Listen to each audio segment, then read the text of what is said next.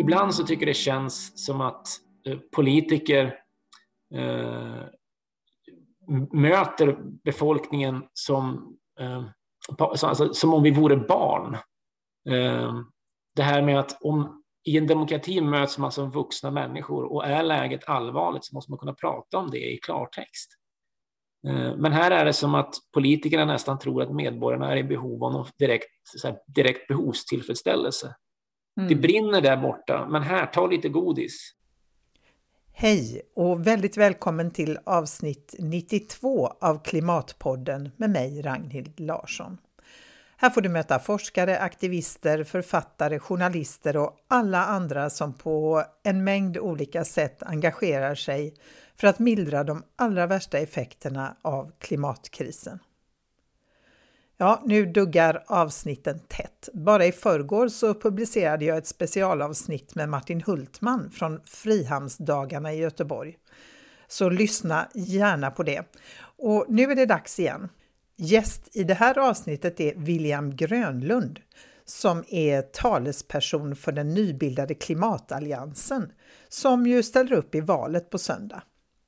Vi sågs på Zoom den 1 september för att prata om varför han egentligen valde att engagera sig i Klimatalliansen och hur han ser på åsikten att en röst på Klimatalliansen i själva verket är en bortkastad röst. Vi pratade också om vad det var som fick honom att överhuvudtaget bli engagerad i klimatet och vad som oroar honom mest. Och vad det är som ger honom kraft att fortsätta och mycket mer. Som du som brukar lyssna känner till så är Klimatpodden helt reklamfri. Så om du vill stötta arbetet med att göra Klimatpodden så går det väldigt bra att sätta in en valfri summa, stor eller liten, på Klimatpoddens eget Swishkonto 123 396 2974. Och tusen tack till alla er som valt att stötta Klimatpodden sen sist så att jag kan fortsätta göra detta. Och kom ihåg att eh, tipsa släkt, vänner, bekanta och alla andra att lyssna. Och hör gärna av dig med synpunkter och förslag på gäster till kommande avsnitt. Men nu är det dags att köra igång dagens avsnitt med William Grönlund. Varsågoda! Välkommen till Klimatpodden William Grönlund. Tack så mycket. Vem är du? Jag är en fyrabarnsfar från Bergslagen som eh, till vardags jobbar som folkhögskollärare på Fällingsbro folkhögskola. Men som också sedan februari eh, är talesperson för en rörelse som heter Klimatalliansen som ställer upp till val i årets riksdagsval. Och hur kom det sig att du engagerade dig i Klimatalliansen? Ja, alltså för mig så tog det ju sin början, vad blir det då, augusti 2020 tror jag. Eh, då, eh, då var jag aktiv i Feministiskt initiativ, eh, ett litet parti. Eh, och då eh, var jag på ett möte där det kom fram en idé om att Feministiskt initiativ i det här valet 2022 skulle ställa upp under beteckningen Klimatinitiativet och då öppna sina listor eh, också för personer som inte definierade sig som feminister. Och det var ju en idé som, som lanserades av Gudrun Schyman som ju då också var aktiv i FI. Och jag minns det där första mötet, det, det, var i, i Lund. Jag åkte specifikt ner bara för det mötet. Och när jag hade suttit på det mötet och kom ut därifrån, då var det som att höstluften luktade hallon och alla fåglar kvittrade mycket vackrare för att jag hade verkligen hittat den idé som jag tror på. Eh, och, och sen dess så försökte vi då driva igenom den här idén som ju var ganska radikal internt i ett parti som definierar sig som feministiskt.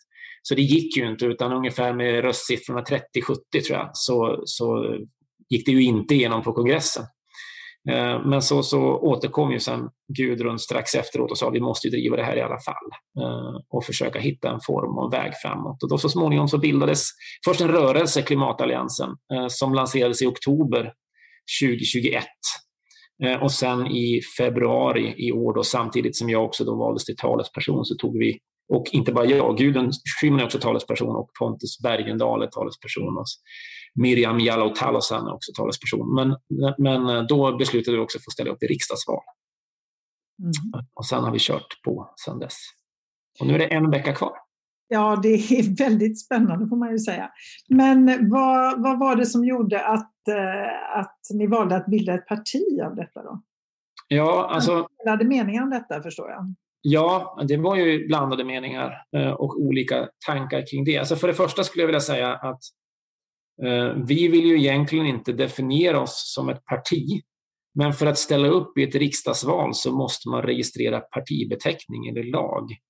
Eh, och slår man upp det i en vanlig uppslagsbok, då, då är det definierat som en förening eller verksamhet som ställer upp i, i val kallas för parti. Så ska man liksom kolla textboksdefinitionen, ja då är vi ett parti. Men det finns ju många andra saker i vårt sätt att agera som inte är partimässiga. Eh, och vi kommer säkert komma in en del på det i övrigt sen när vi pratar. Men en av de sakerna är ju att det tror jag inte har hänt på riksdagsnivå. Det finns ju mycket på lokal nivå, men på riksdagsnivå vet jag inte att det finns några som har drivit så kallad enfråga eh, på, på den nivån. Nu är ju klimatfrågan och hållbarhetsfrågan gigantisk till sitt omfång och struktur och de delar av samhället som det griper in. Så det är ju i och för sig en väldigt stor ensak, en, en, en parti, eller ensaksfråga. Verkligen. Eh, men det är ju då en skillnad. En annan skillnad är ju att vi är här för sakfrågans skull. Alltså många partier, tyvärr, eh, alltså de är ju som människor. Alltså partier har ju en självbevarelsedrift. Man vill ju finnas och växa och bli större och, och, och var fjärde år så accentueras det där förstås, för då ska man ha röster. Eh, och det gör ju att man ibland tonar ner saker som man tror inte ger röster. Och det, där är ju klimatfrågan ett tydligt exempel.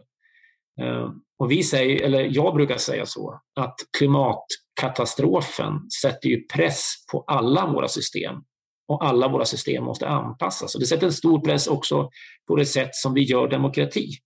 Mm. För vill man formulera det lite tillspetsat så skulle man kunna säga att klimatkatastrofen kräver nu politiker som faktiskt skiter i om de vinner val.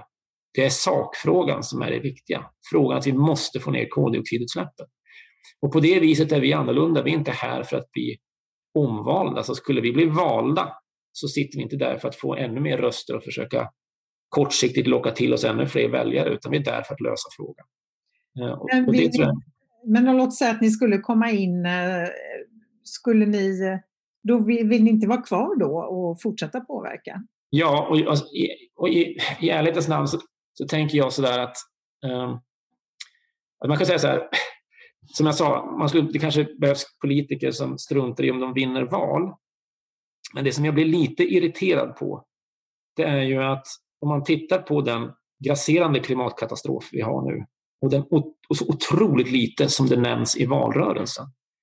Eh, så är det, och istället så ska man liksom sänka skatterna på, på drivmedel och på andra sätt eh, faktiskt direkt motverka eh, klimatarbetet.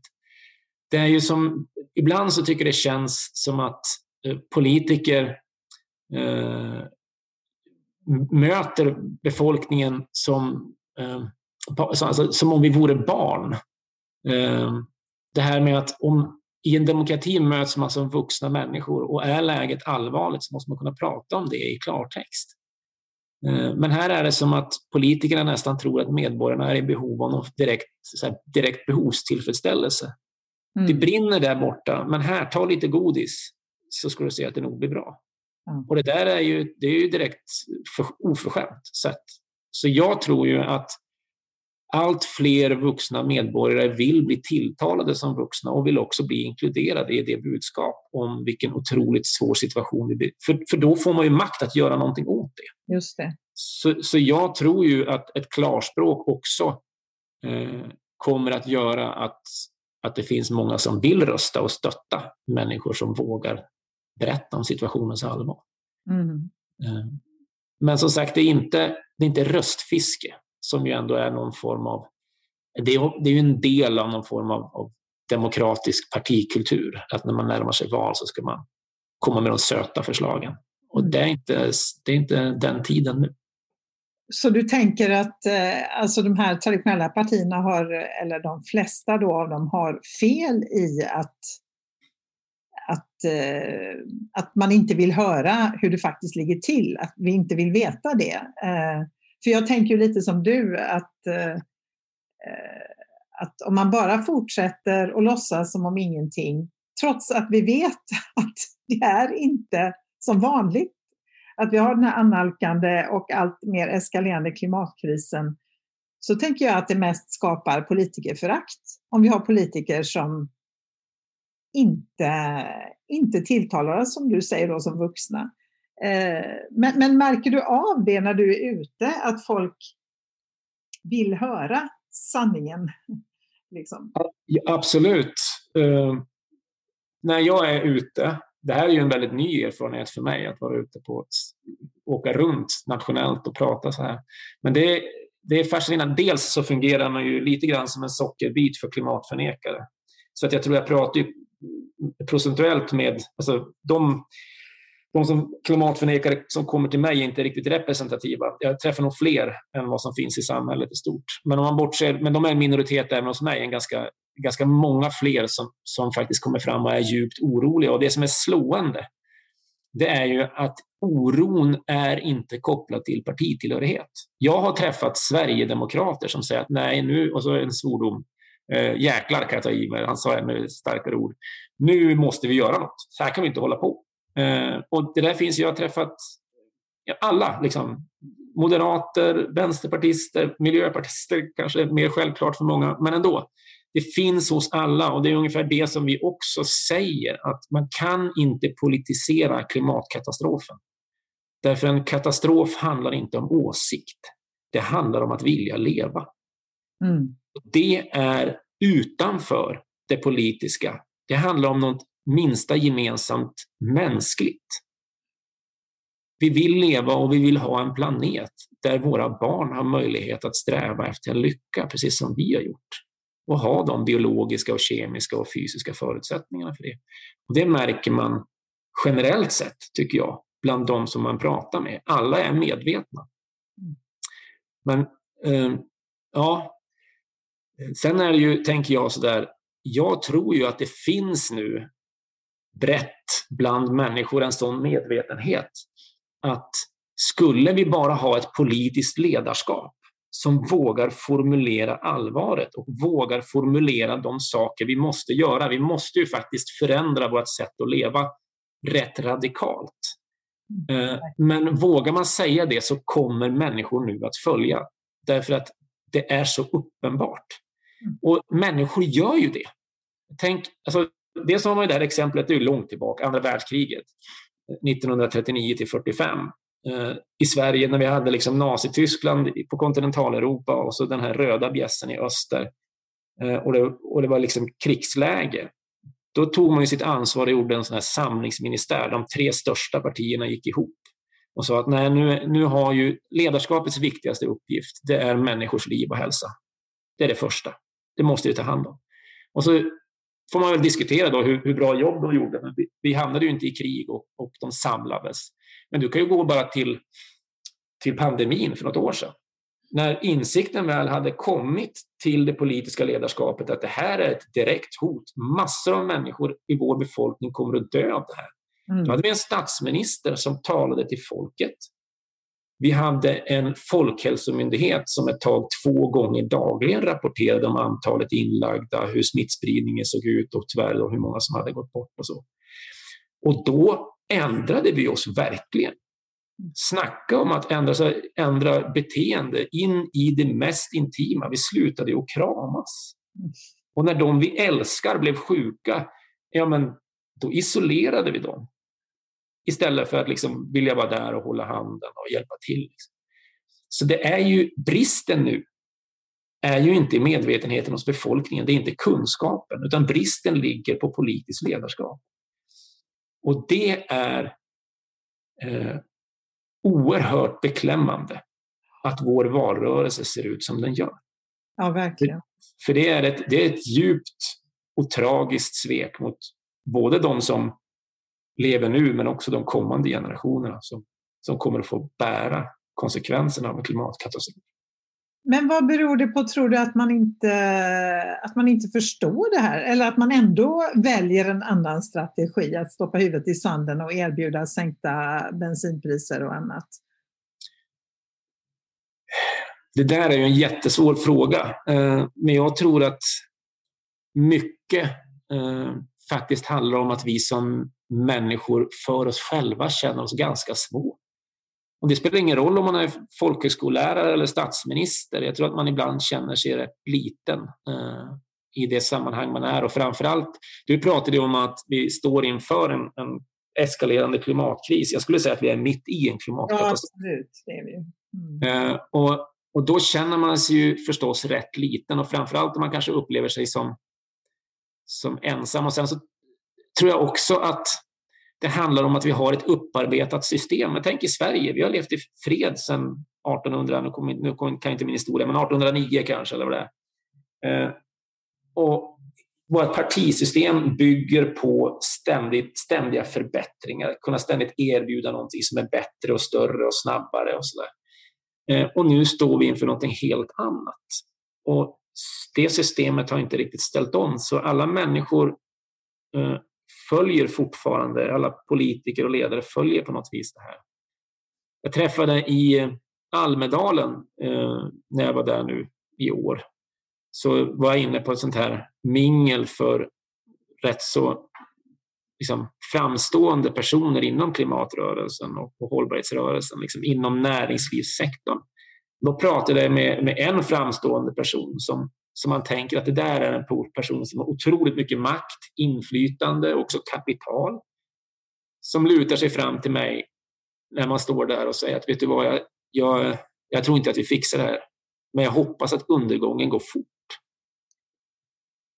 Oh. Och då, då, då blir det sån där, här står en människa som har all denna makt och kapacitet och känner sig så ensam så att hon hoppas att det ska gå fort. Och där någonstans ligger ju kraften att nu måste vi göra det här tillsammans. Vi måste lyfta det över det politiska, över höger och vänster.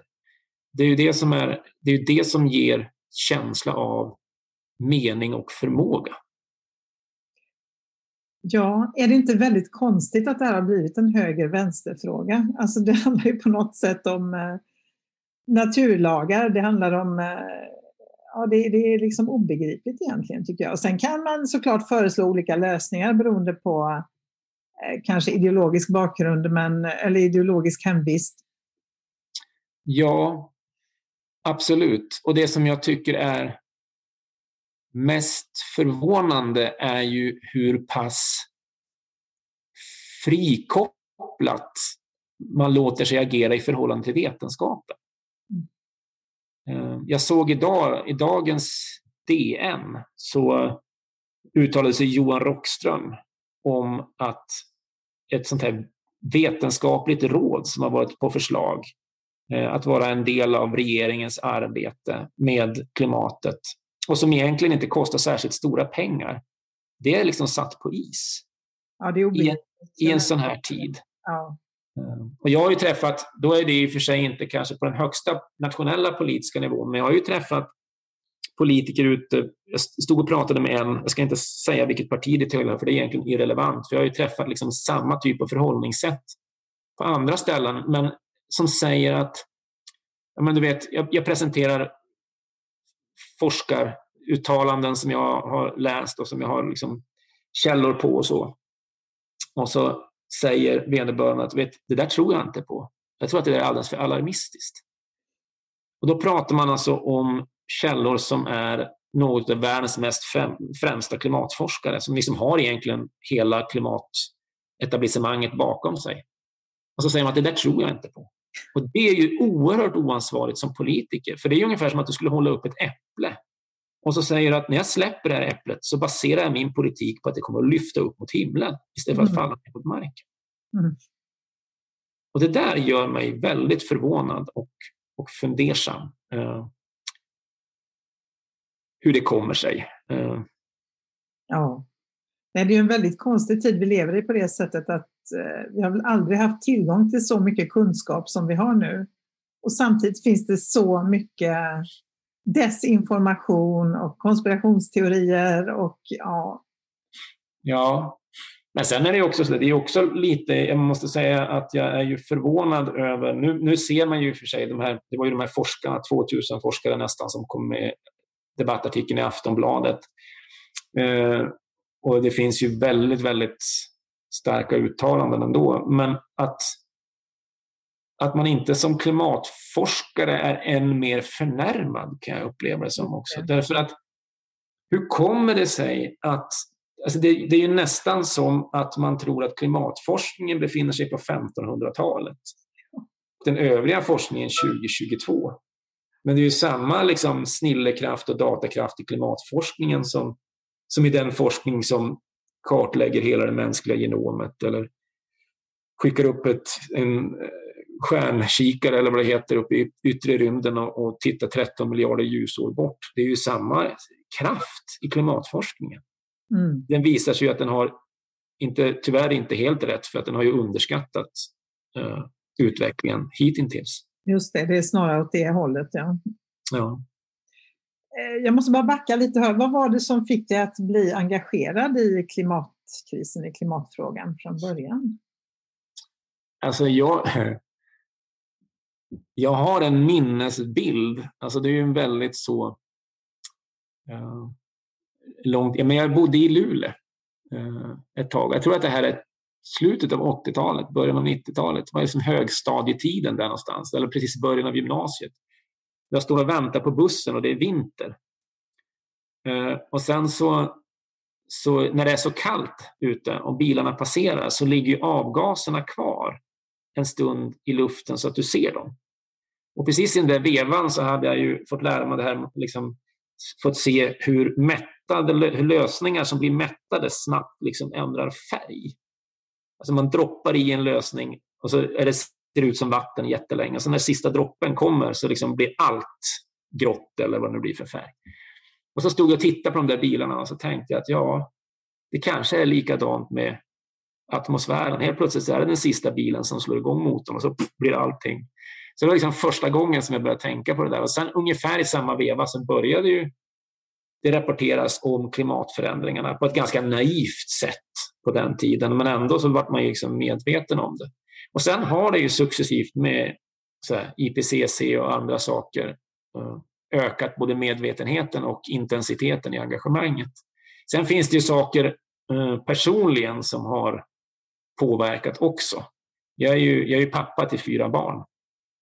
Och eh, en av dem, han är 18 idag, men för fyra år sedan när han var 14 så var en helt vanlig morgon så tog han en, skulle till skolan eh, och så var han på väg från badrummet och in i köket och så stannade han till och så tittade han på mig vid, vid frukostbordet. Och så säger han så här, du pappa? Ja, säger jag. Det där med klimatförändringarna, det är ingen idé att jag skaffar barn. Oh. Och du vet, som pappa då så faller ju det som ett spett av ångest ner i bröstet förstås. Eh, men det är också en sån situation. Jag sitter ju vid det bordet och har den kunskap jag har. Och jag vet att det här är liksom inte bara en fråga som den här 14-åringen har plockat från luften. Det finns rationalitet och förnuft i den frågan. Och var har vi kommit, kände jag då, när mitt barn frågar mig om han ska föra livet vidare.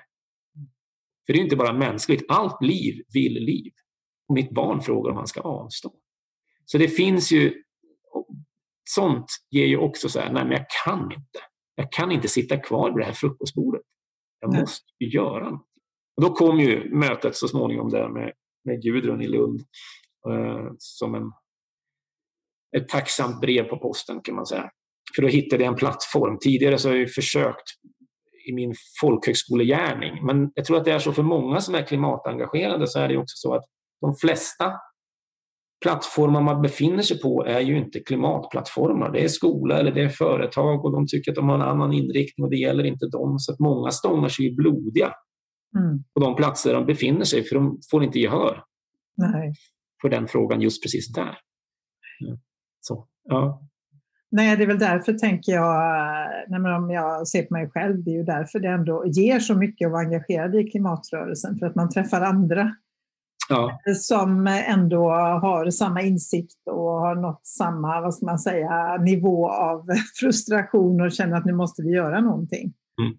Och göra det tillsammans, för jag tror att det är verkligen nyckeln. Vi är så individualiserade i det här landet. Vi är liksom vana vid att klara oss själva och fixa själva. Och nu behöver vi ju varandra mer än någonsin, tänker jag. Ja. Verkligen. Eh, och det är ju den, det är den omställningen som krävs också. Det är inte bara en omställning i liksom fysiska betingelser utan det är en enorm mental omställning som ju ska ske på en mycket kort tid.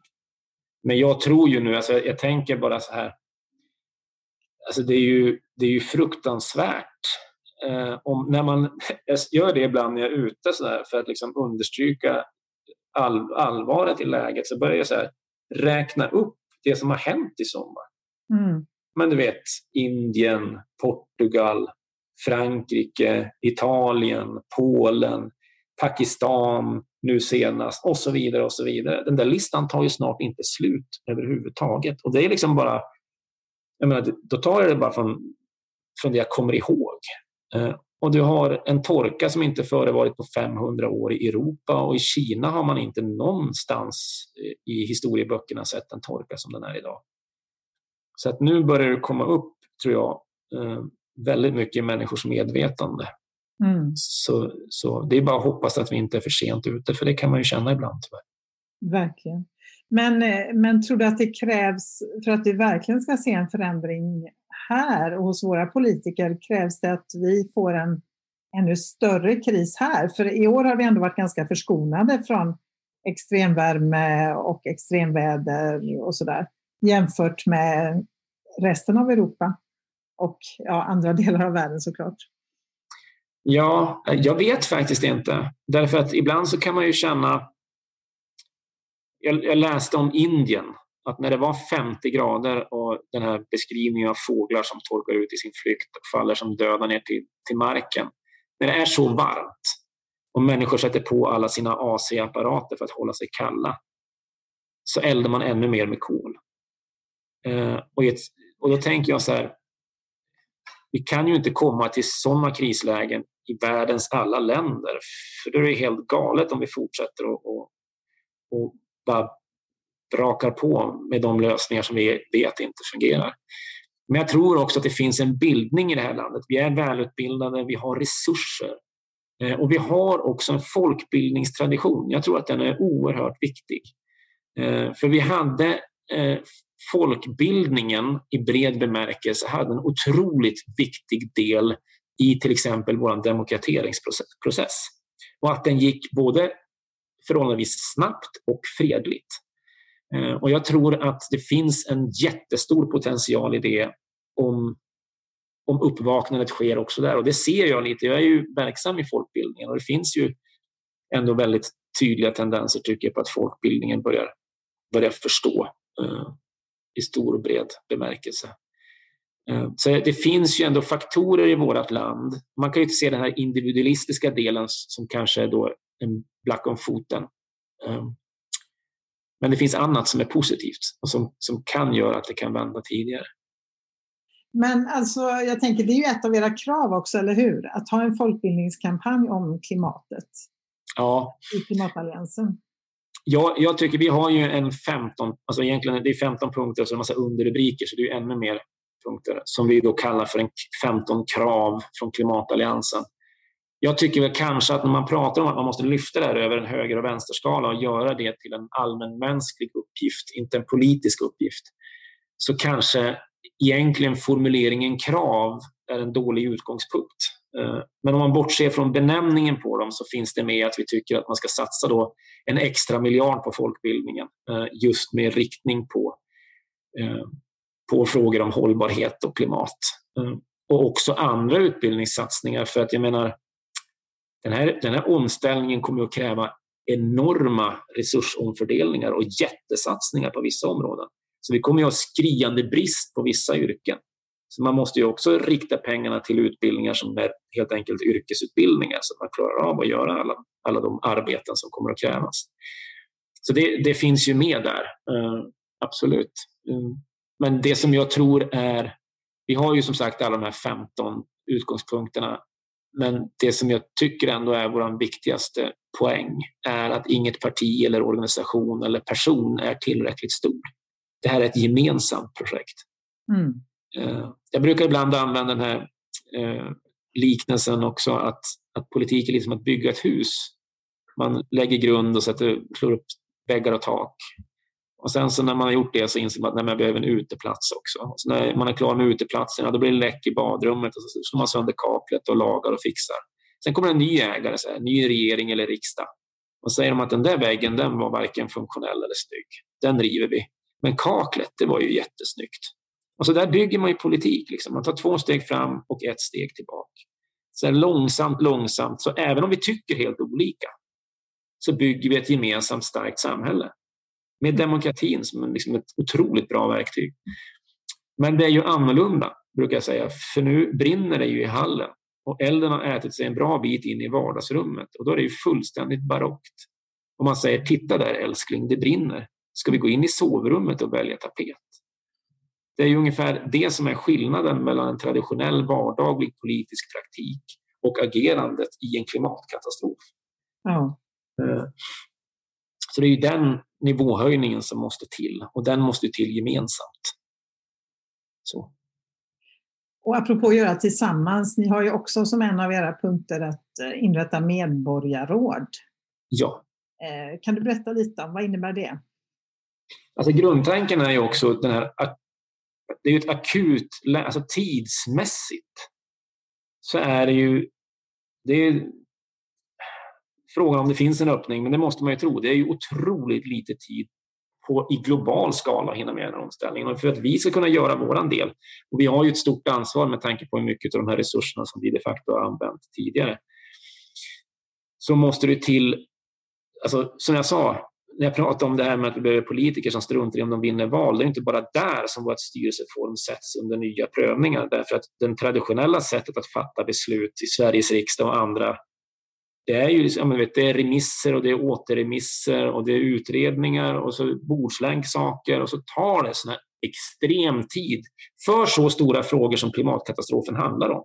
Mm. Så, så en vanlig politisk praktik i det fallet innebär kanske 15 år till beslut, alltså beroende på vad det handlar om.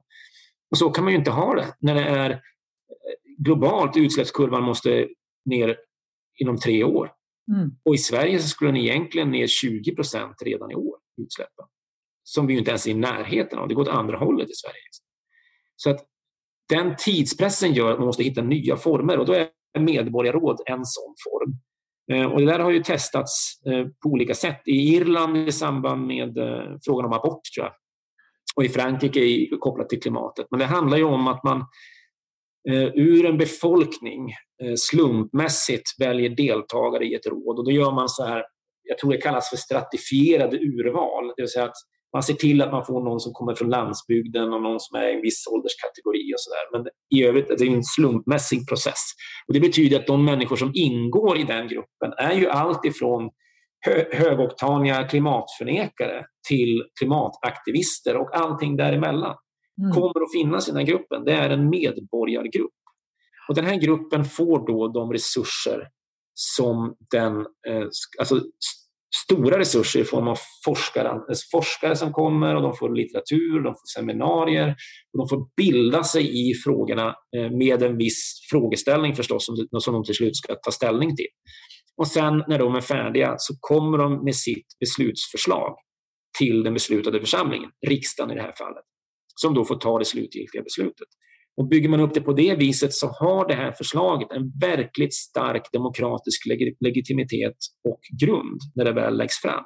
Så det blir ju förhoppningsvis då eh, väldigt svårt för politikerna att göra någonting annat eller någonting väldigt annorlunda än vad ett medborgarråd föreslår. Mm.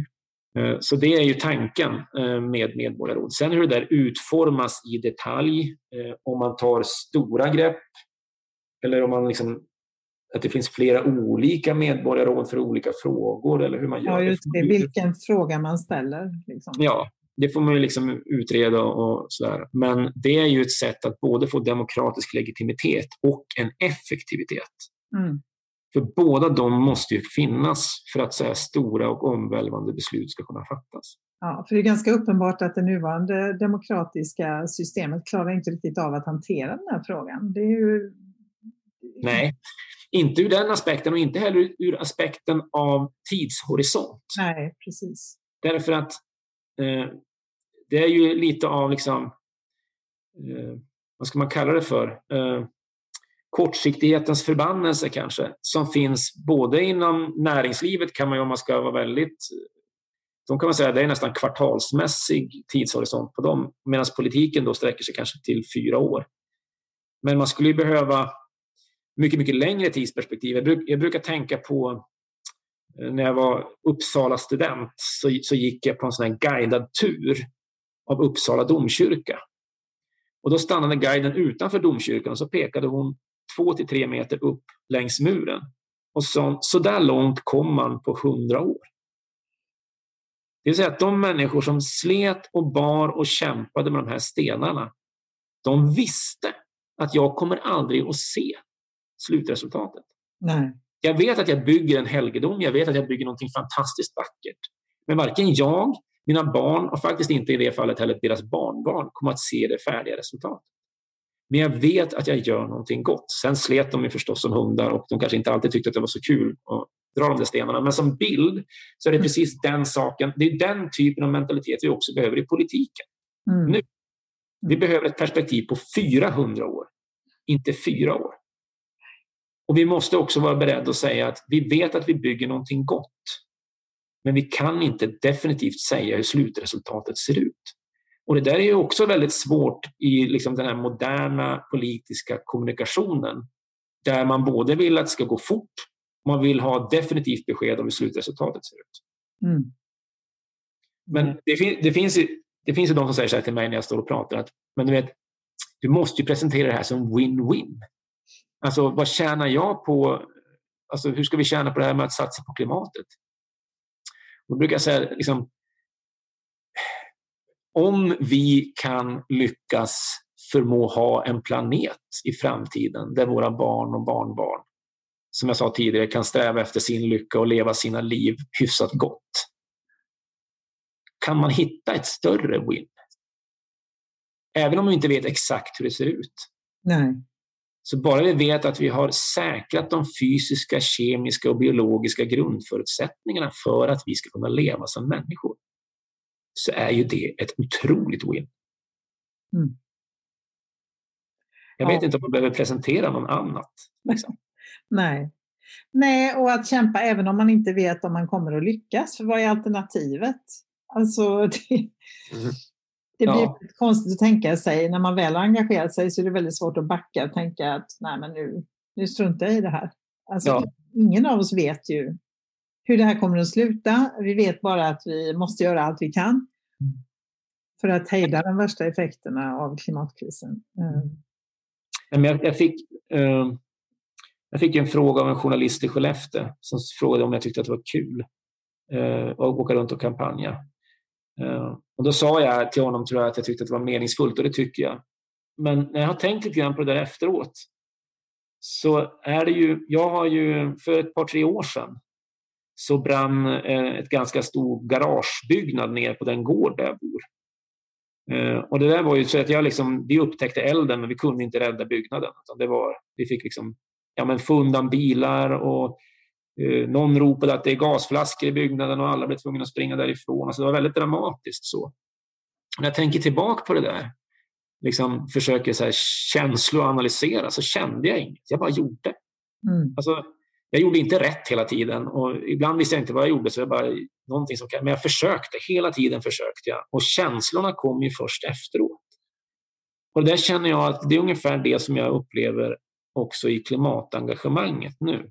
Att nu bara gör jag så gott jag bara kan. Och det som är skönt då när man är i ett sammanhang med rörelsen, som ju nu är en folkrörelse som växer så det knakar. Det, här kommer, det, det händer ju saker nu då känner man ju då känner man att det händer, alltså att man bidrar till någonting.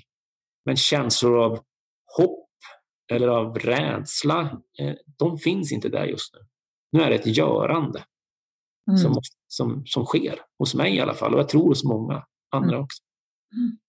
Jo, lite är det väl också så att det går inte hela tiden heller att ta in det för då, då står man liksom inte ut heller. Man måste ju på något sätt stänga av lite också. Mm. Då drabbas man ibland av det i olika situationer tycker jag. Eh, av allvar ja. Eh, och så. Men jag tror att det är en stor sorg.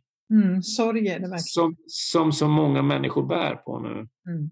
Och alla människor som bär en sorg eh, av olika slag vet ju att den där kan ju av olika anledningar dyka upp helt oväntat. Alltså det kan ju vara en doft, det kan vara en händelse som påminner om någonting som gör att sorgen kommer tillbaka. Och så upplever jag att det också är med klimatet. Ibland, ibland när jag formulerar mig kring, ja men som det här med min son till exempel, det har jag sagt vid det här laget 150 gånger. Men sen den 151 gången så känner jag att nu kommer tårarna.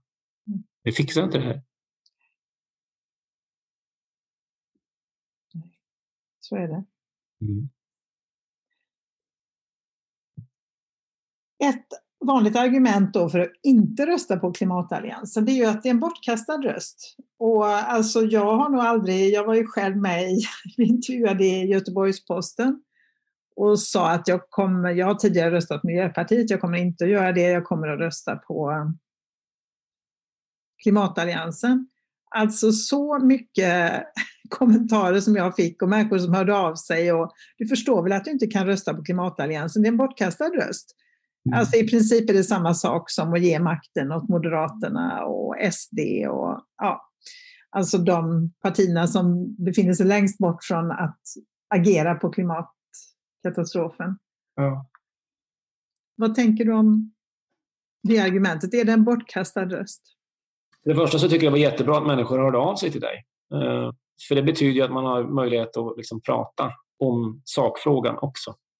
För det är ju det som vi eh, upplever också är en positiv sak med vårt engagemang. Därför att som det har sett ut hittills, du har ju haft de här demonstrationerna med Eh, Fridays for Future så för några år sedan innan pandemin som ju drog 40-60 000 pers till Stockholms gator. Det är gigantiska demonstrationer. Och sen står, står det politiska ledarskapet och applåderar och säger att det, det, är så här demokrati ska se ut. Titta på ungdomarna, de är oroliga över sin framtid och de vill väl och de kämpar på. Och sen vänder man på klacken, går in i förhandlingsrummet och så förhandlar man bort klimatet. Och det där är ju, det, utifrån den, liksom, att vi såg det, så kommer ju, våran idé är ju att politiska partier, de reagerar när deras maktbas utmanas. Så när vi konkurrerar om deras röster samtidigt som vi bär det här budskapet så börjar man lyssna på vad vi säger. Mm. Så att det finns ju också, och det ser man ju senast idag också i Dagens Nyheter. Nu kommer det fram, nu vart det som reklam här, men vilken tidning jag läser mest. Men, men, där fanns det ju idag från Socialdemokraterna, både SSU Eh, och den här reformisterna, den här interna gruppen som är mer klimatprogressiva än, än partiet i stort. Där kommer ju nu väldigt skarp kritik internt för att Socialdemokraterna inte tar tag i den här frågan på det viset. Och mm. där tänker jag också att vi gör nytta. För vi visar utifrån att det finns en opinion så att de här interna krafterna i olika partier och rörelser får luft under vingarna också. Så att det är ju inte en bortkastad röst att visa eh, att man stöttar klimatalliansen på något sätt. Och sen så tycker jag det här med bortkastad röst är ju också lite problematiskt, för det är ju på något sätt som att man har tagit det politiska spelet som jag tror att väldigt många är uselt trötta på, har liksom flyttat ner, eller flyttat till, ska man säga, själva väljarkåren. För, för det politiska spelet eh, som jag ser det när jag analyserar det, det är att ja, men här har du, du har ett parti nu är det en podd så man ser inte mina fingrar. Men Nej, men kanske... du räcker upp ett finger nu. Ja. ja. Eh, och sen så, det är ett parti. Och så finns det ett annat parti här borta. Mm. Det tittar inte på en vision som den har högt upp, utan det tittar på det andra partiet, hur det rör sig. Och när det flyttar sig så anpassar det sig till det partiet så att den ska liksom hitta en yta där den får fler röster. Och sen så kanske kommer en opinionsundersökning, ja, men då flyttar man sig lite till. Och så börjar det här andra partiet röra på sig igen och så hoppar man runt så här, liksom i någon form av dans. Och, och det är det som gör att vi så länge har saknat visioner i politiken. Därför man tittar bara på varann. Man tittar inte på vad man vill. Nej. Problemet som är ännu större nu, det är ju att den där visionen har ersatts av en katastrof. Så vi har en gigantisk katastrof, men man tittar inte på den. Man det dansar. Ja, precis. Den filmen, ja. Det är den där gigantiska klimatkometen som kommer och ingen tittar. Och den där, det där resonemanget, man börjar prata om bortkastade röster och stödröster och sådär. Då har ju liksom då har ju visionerna försvunnit också i röstbeteendet. Vad vill jag? Vad tycker jag är viktigt som medborgare och som röstberättigad? Det är ju det som ska styra mitt val. Mm. Och då tycker jag så här, tycker du då, är du klimatprogressiv och ändå tycker att Moderaterna är det bästa alternativet, då ska du rösta på Moderaterna.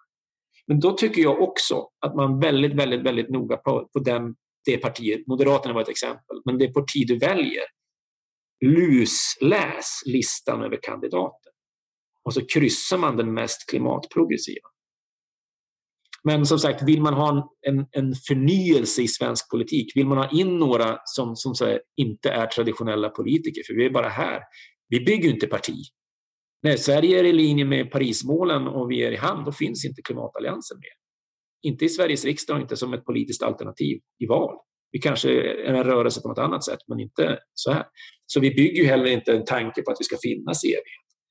Så vill man ha den nya kraften in i riksdagen i ett akut läge, då tycker jag att man ska rösta på oss. Mm. Hyser du några förhoppningar om att ni kommer att komma in?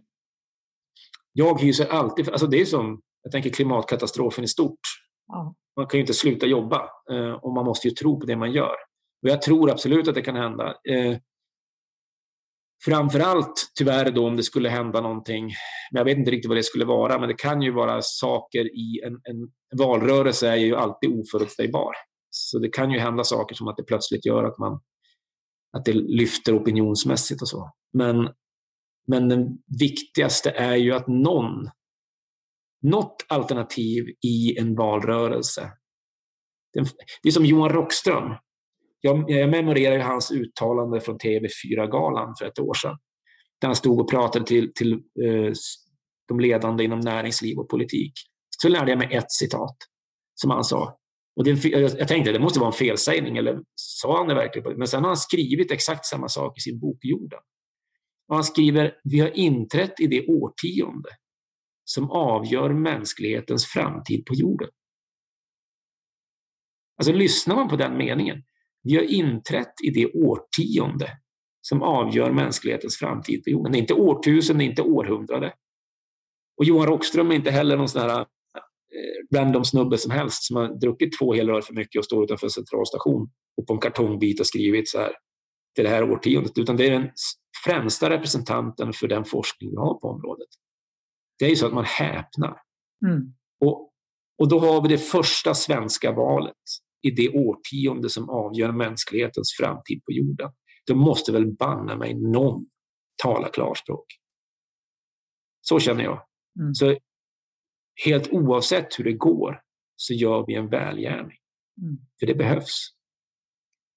Jag har också hört din eh, kollega Pontus, eh, som jag också är talesperson, eh, Pontus Bergendahl, säga att han menar att han också på sätt och vis kampanjar för Miljöpartiet, apropå stödröster och så, för att folk säger så här, ja ah, ni har jättebra politik och jag tycker verkligen att det är viktigt, men jag vågar inte rösta på er, ni är så små. Så jag kommer att rösta på Miljöpartiet istället, för de är liksom, eh, vad ska man säga, minst dåliga då av de befintliga partierna. Mm.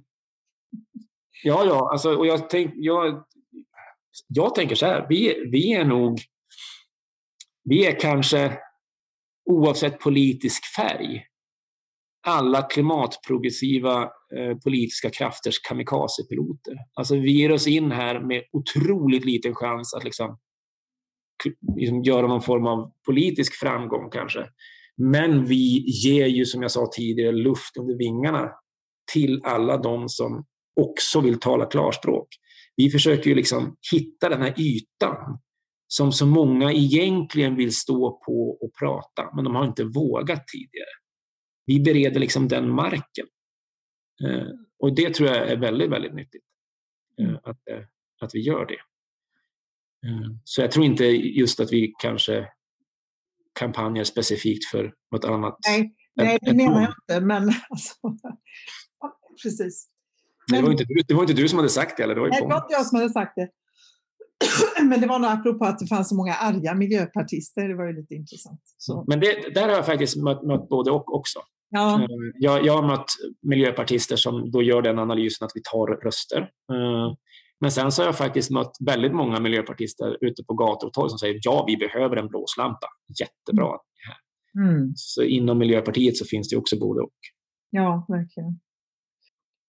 Vad händer då, alltså efter valet här nu då? Om ni nu inte skulle komma in, vad händer sen? Vad händer då? Det är ju en diskussion. För nu har vi ju ändå arbetat fram en organisation. Jag vet inte hur många medlemmar vi har. Det var flera månader sedan jag tittade, men då var vi uppe i 1200 nästan. Eh, så det är ju ändå en rätt stor organisation vi har byggt med ganska många medlemmar. Och nu har det ju varit, får man väl lov att säga, en toksatsning inför valet där vi liksom mörsar på. Eh, Sen så blir det ju, tänker jag, en demokratisk intern diskussion. Vad gör vi med en klimatallians framöver? För det är ju, vi är ju inte ett parti i traditionell bemärkelse. Så det är, inte, det är inte per automatik så att vi ställer upp i nästa val och i nästa val och i nästa val. Utan det här gör vi nu. Efter valet så får vi se. Mm. Men har man samlat så många med den här medvetenheten och den här viljan att tala klarspråk och få en förändring i ledarskapet så får vi hitta ett sätt att kanalisera det. Men exakt vad det blir, det är ju svårt att säga. Mm. Vad är det som skrämmer dig mest eller oroar dig mest när det gäller klimatet, klimatkatastrofen? Nu blir det dystert tror jag. Eh, Men det är ju... Jag, trä, jag träffade någon som sa sådär att ja, men det är inte hela världen eh, om mänskligheten går under. För sannolikt så består ju livet ändå och planeten återhämtar sig. Och det där resonemanget som är ganska vanligt. Och jag kan ju hålla med om man tar den utgångspunkten när mänskligheten inte längre är där. Så är väl, det är väl en okej okay planet, tänker jag. Då frodas livet. Men det är ju, och även om, vi, även om det inte går så illa, låt säga att vi får en civilisatorisk kollaps eh, med jättemycket lidande, så är ju själva döendeprocessen det som är så smärtsamt. Och det faktum att det nu inte längre, alltså klimatkatastrofens brutala konsekvenser, om vi inte gör något, kommer ju inte att drabba ofödda generationer. Det kommer ju att drabba de som går på den här planeten vid vår sida nu. De vars små händer vi håller och, och vars stora ögon tittar upp på oss och, och undrar vad är det som sker. Det är ju de som kommer att drabbas. Alltså vi, vi finns här med dem nu. Och det där, jag vet, jag, jag, jag eh, det, det, var en insikt som kom till mig ett par år efter min son sa det där om att inte skaffa barn. Så tänkte jag på att det finns vissa, vissa bitar i livet som, som eh, man nästan på förväg, om inget oväntat händer, är 100% lyckliga, om man får säga så. Alltså när man gifter sig, kanske när man får körkort, jag vet inte, men när man får barn och så vidare. Men så slog det mig nu att jag har ju ingen sån jag har ingen sån kvar.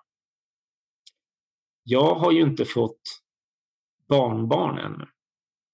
Men jag vet ju redan nu att när jag, när jag går igenom den där BB-korridoren så kommer jag ju inte att känna mig 100% lycklig som morfar eller farfar. Därför jag vet inte hur det kommer att gå för mitt barnbarn.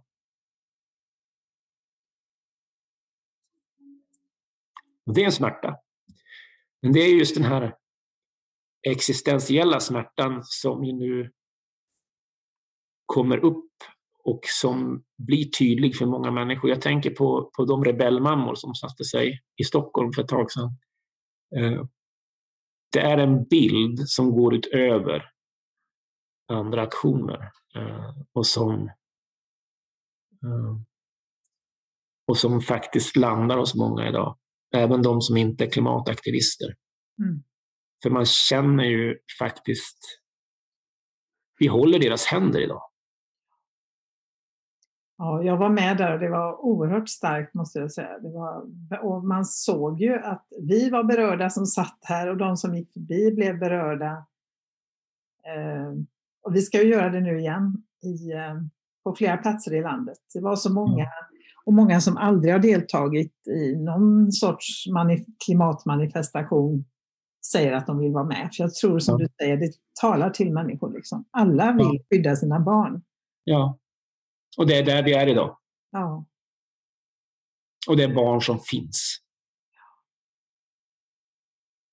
Sen är ju, alltså jag tänker, det är ju,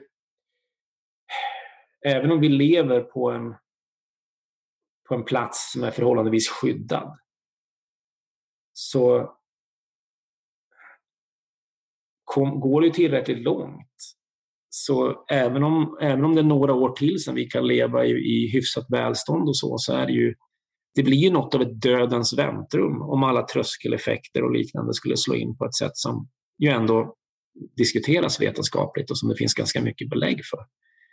Eh, så det är också en oerhört beklämmande situation att våra barn skulle sitta där och veta att vi kan ingenting göra. För våra föräldrar gjorde inte tillräckligt fast de visste. Ja, det är outhärdligt. Ja, i det närmaste. Mm. Men vi får ju fortsätta att jobba, tänker jag. Eh, ja. Och tro på att det går. För det finns ju, jag tänker, det finns ju otroligt mycket lösningar. Alltså alla lösningar finns ju på bordet. Alla pengar kan vi få fram också. Men det är ju det som är så frustrerande, att det finns så mycket vi skulle kunna göra. Ja, ja. Titta på det här med återställ våtmarker som ju sätter sig på vägarna och med sina egna kroppar bär budskapet om en väldigt enkel åtgärd. Mm. Som ju inte kostar mycket pengar alls Nej. och som, som i effektivitet motsvarar hela den svenska persontrafiken. Mm. Alltså det, det är ett sånt där beslut som egentligen är en no-brainer. Det är bara att göra. Mm. När man står inför en katastrof. Uh, och det är ju det är bara en del av en palett av saker som vi skulle kunna göra. Mm. Uh, så att, uh, ja. Vi behöver nå den brytpunkten där det politiska ledarskapet talar klarspråk om katastrofen och agerar på det. Ja. För sen kommer det att, sen kommer det att rulla på. Mm. Men vi måste komma dit så fort som möjligt. Men vad tror du krävs för att vi ska komma dit då? Jag tror ju att till exempel det som sker eh, med återställ våtmarker är en jätteviktig del. Fredlig civil olydnad. Eh, där förstås den fredliga delen är central. Eh, men det är ju, ett, det är ju, det är ju historiskt upprepat och bevisat att stora sådana medborgarrättsliga eh, steg har skett, inte uppifrån, inte från ledarskapet, utan det kommer underifrån. Och från de som är beredda att faktiskt använda sina kroppar och sina liv som insats för något som de är övertygade om och tror på. Det är ju medborgarrättskampen i, i USA eller suffragetter i Sverige eller i Storbritannien och så vidare. Och det där är ju en väldigt viktig, viktig del tror jag. Eh, och, och, att, att jaga eller att politiskt sikta in sig på de som använder fredlig civil olydnad och prata om höjda straff, det är ju verkligen att missa målet. Därför är som Antonio Guterres säger i sitt tal, de som är kriminella är de som tillåter att vi fortsätter att släppa ut klimatförstörande gaser som vi vet sedan minst 60-talet. Att det här kommer att ta knäcken på civilisationen om vi fortsätter. Mm. Det är ju den kriminella handlingen. Mm. Men sen är det ju inte bara, tänker jag, en annan viktig, viktig faktor som måste till, det är att vi måste våga använda pengarna. Vi måste våga styra pengarna på ett sätt som är klimatpositivt. För jag förstår alla människor som, alltså människor som strävar i sin, sitt hem och sitt liv och lever hållbart och köper ekologisk frukt och sådär. Du kan ju köpa hur många ekologiska äpplen som helst. Om samtidigt pensionsfonderna pumpar in miljarder i samma ögonblick i fossila investeringar och i olja. Mm. Det är helt galet, så man måste ju vrida fossilinvesteringarna både i det privata bankväsendet och i, i pensioner och på andra platser 180 grader. Det måste till en 180 graders sväng där. Annars går det inte. Så pengarna måste med. Finansvärlden måste med. Mm. Och det är ju en fight som heter duga säkert. Men precis som mellan olika politiska partier, det är ju faktiskt så att finans, finansmänniskor är ju människor. De, de vill ju också barn. De är också barn och vill leva. De har också den minsta gemensamma nämnaren. Mm. Och det finns ju väldigt många framstående eh, inom näringslivet och inom det finanspolitiska som ju också talar klarspråk nu. Jag tänker bland annat på Sasha Beslik, finns det en man som heter, som jag tror jobbar i Japan nu, som är oerhört tydlig om att det här är någonting exceptionellt och vi behöver kunna styra investeringar och pengar på ett helt annat sätt. Så det är några saker, men det är också så där. det är ju som IPCC sa i sin rapport 2019 tror jag, eh, lite fritt översatt så var det någonting i stil med att det, det, behövs, och då handlar det om att nå 1,5 graders målet, men det behövs en aldrig tidigare skådad omställning i samhällets samtliga sektorer. Så det betyder ju att vi behöver ha det här skiftet parallellt överallt samtidigt, i utbildning, i sjukvård, eh, i finansen och så vidare. och Så vidare. Eh, så att det är en gigantisk omställning, men vi kan ju klara det om vi ger oss den. Mm, mm. Alltså, all vår kraft sitter ju i, den, i det mänskliga görandet och intellektet. Vi bär vårt intellekt och våra kroppar och med dem så kan vi förändra. Det övriga är ju liksom sociala strukturer som vi har skapat. Vi kan göra det här. Vi kan göra det tillsammans, det är jag helt övertygad om. Men det krävs nu. En stor svårighet som kommer att uppstå om man inte har ett klarspråk i en valrörelse, det är det som händer efteråt. Därför att de fysiska, och biologiska och kemiska processerna fortgår. Och vi vet hur långt det har gått. Det betyder att inom ett fåtal år, möjligtvis nästa mandatperiod, så kan regeringen bli tvungen att komma med ingripande åtgärder som i stor utsträckning förändrar våra liv. har man inte i valrörelsen innan kungjort detta, när man söker förtroende hos befolkningen, säger att så här kan det bli, då kommer man ha oerhört svårt att när det väl sker få eh, mandat för eller, eller få en befolkning som ställer upp på det. Mm. Då riskerar man i värsta fall social oro, alltså gula västar eller ännu värre. Mm. När många säger att det här sa ni aldrig och så gör ni så här stora åtgärder. Mm. Hur tänker ni nu? Och så blir det en effekt som man inte alls vill ha, men som man bäddar för om man inte pratar om det i valrörelsen. Mm.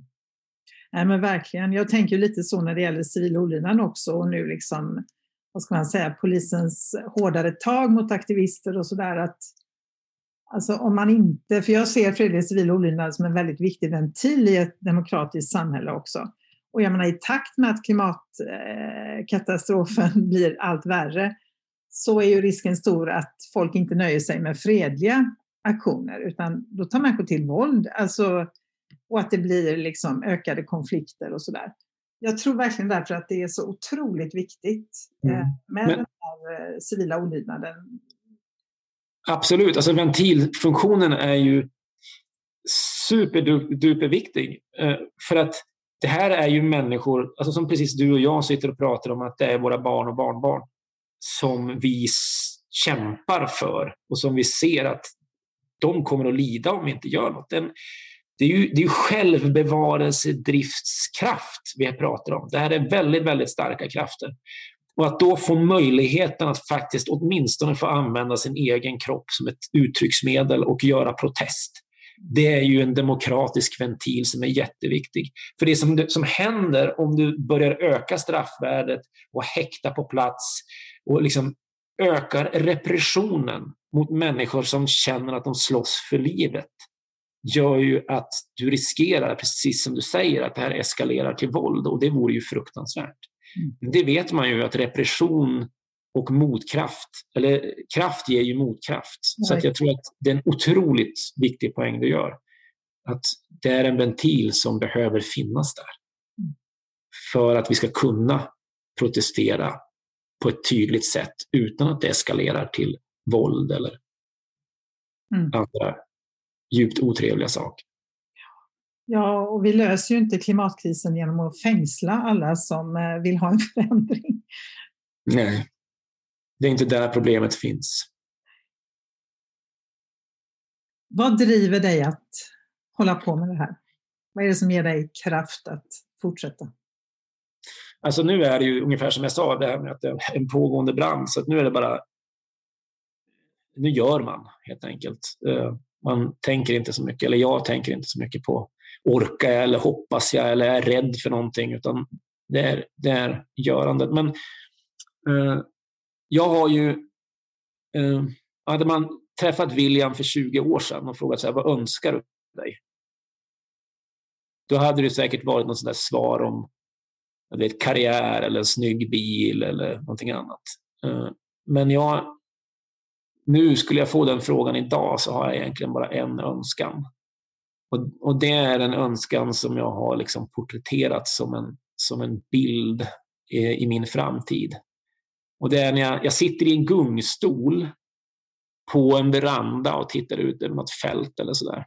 Och sen så har jag, jag är liksom gammal, jag är i, på sluttampen av livsrepet kan man säga. Och så har jag ett barnbarnsbarn som står bredvid mig och rycker mig i ärmen. Och så säger den sådär att, alltså där på 2020-talet, hur i hela friden klarar ni av det? Alltså när några av världens ledande personer bara spydde ut hat och koldioxid i atmosfären på ett sätt som man aldrig tidigare har sett. Hur klarar ni av att vända det? Och då önskar jag att jag liksom kan titta på det barnbarnet och säga att vi lyssnade på våra barn. Vi såg det ni såg, vi hörde det ni hörde. Vi drog samma slutsatser som både ni och vetenskapen gjorde och vi visste vad vi skulle göra. Och vi gjorde det tillsammans. Det är, liksom, det är min önskan som jag har kvar. Tack för att du delar med dig av den. Mm. Och, uh, jag hoppas jag får uppleva den. Ja. Och stort tack för att du var gäst i Klimatpodden. Det var mm. jättefint. Tack, tack för att jag fick vara med.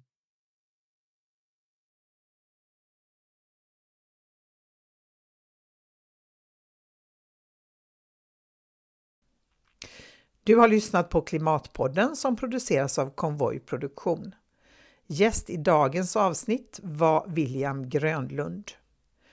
Du hittar mer information om Klimatpodden och dagens avsnitt på hemsidan klimatpodden.se. Klimatpodden finns på alla ställen där poddar finns och du kan följa podden på Twitter och Facebook. Signaturmelodin är skapad av Tommy Kaso. Och loggan till Klimatpodden är gjord av Hannes Larsson. Om du vill stötta arbetet med att göra Klimatpodden så är du välkommen att swisha en valfri summa till 123 396 2974.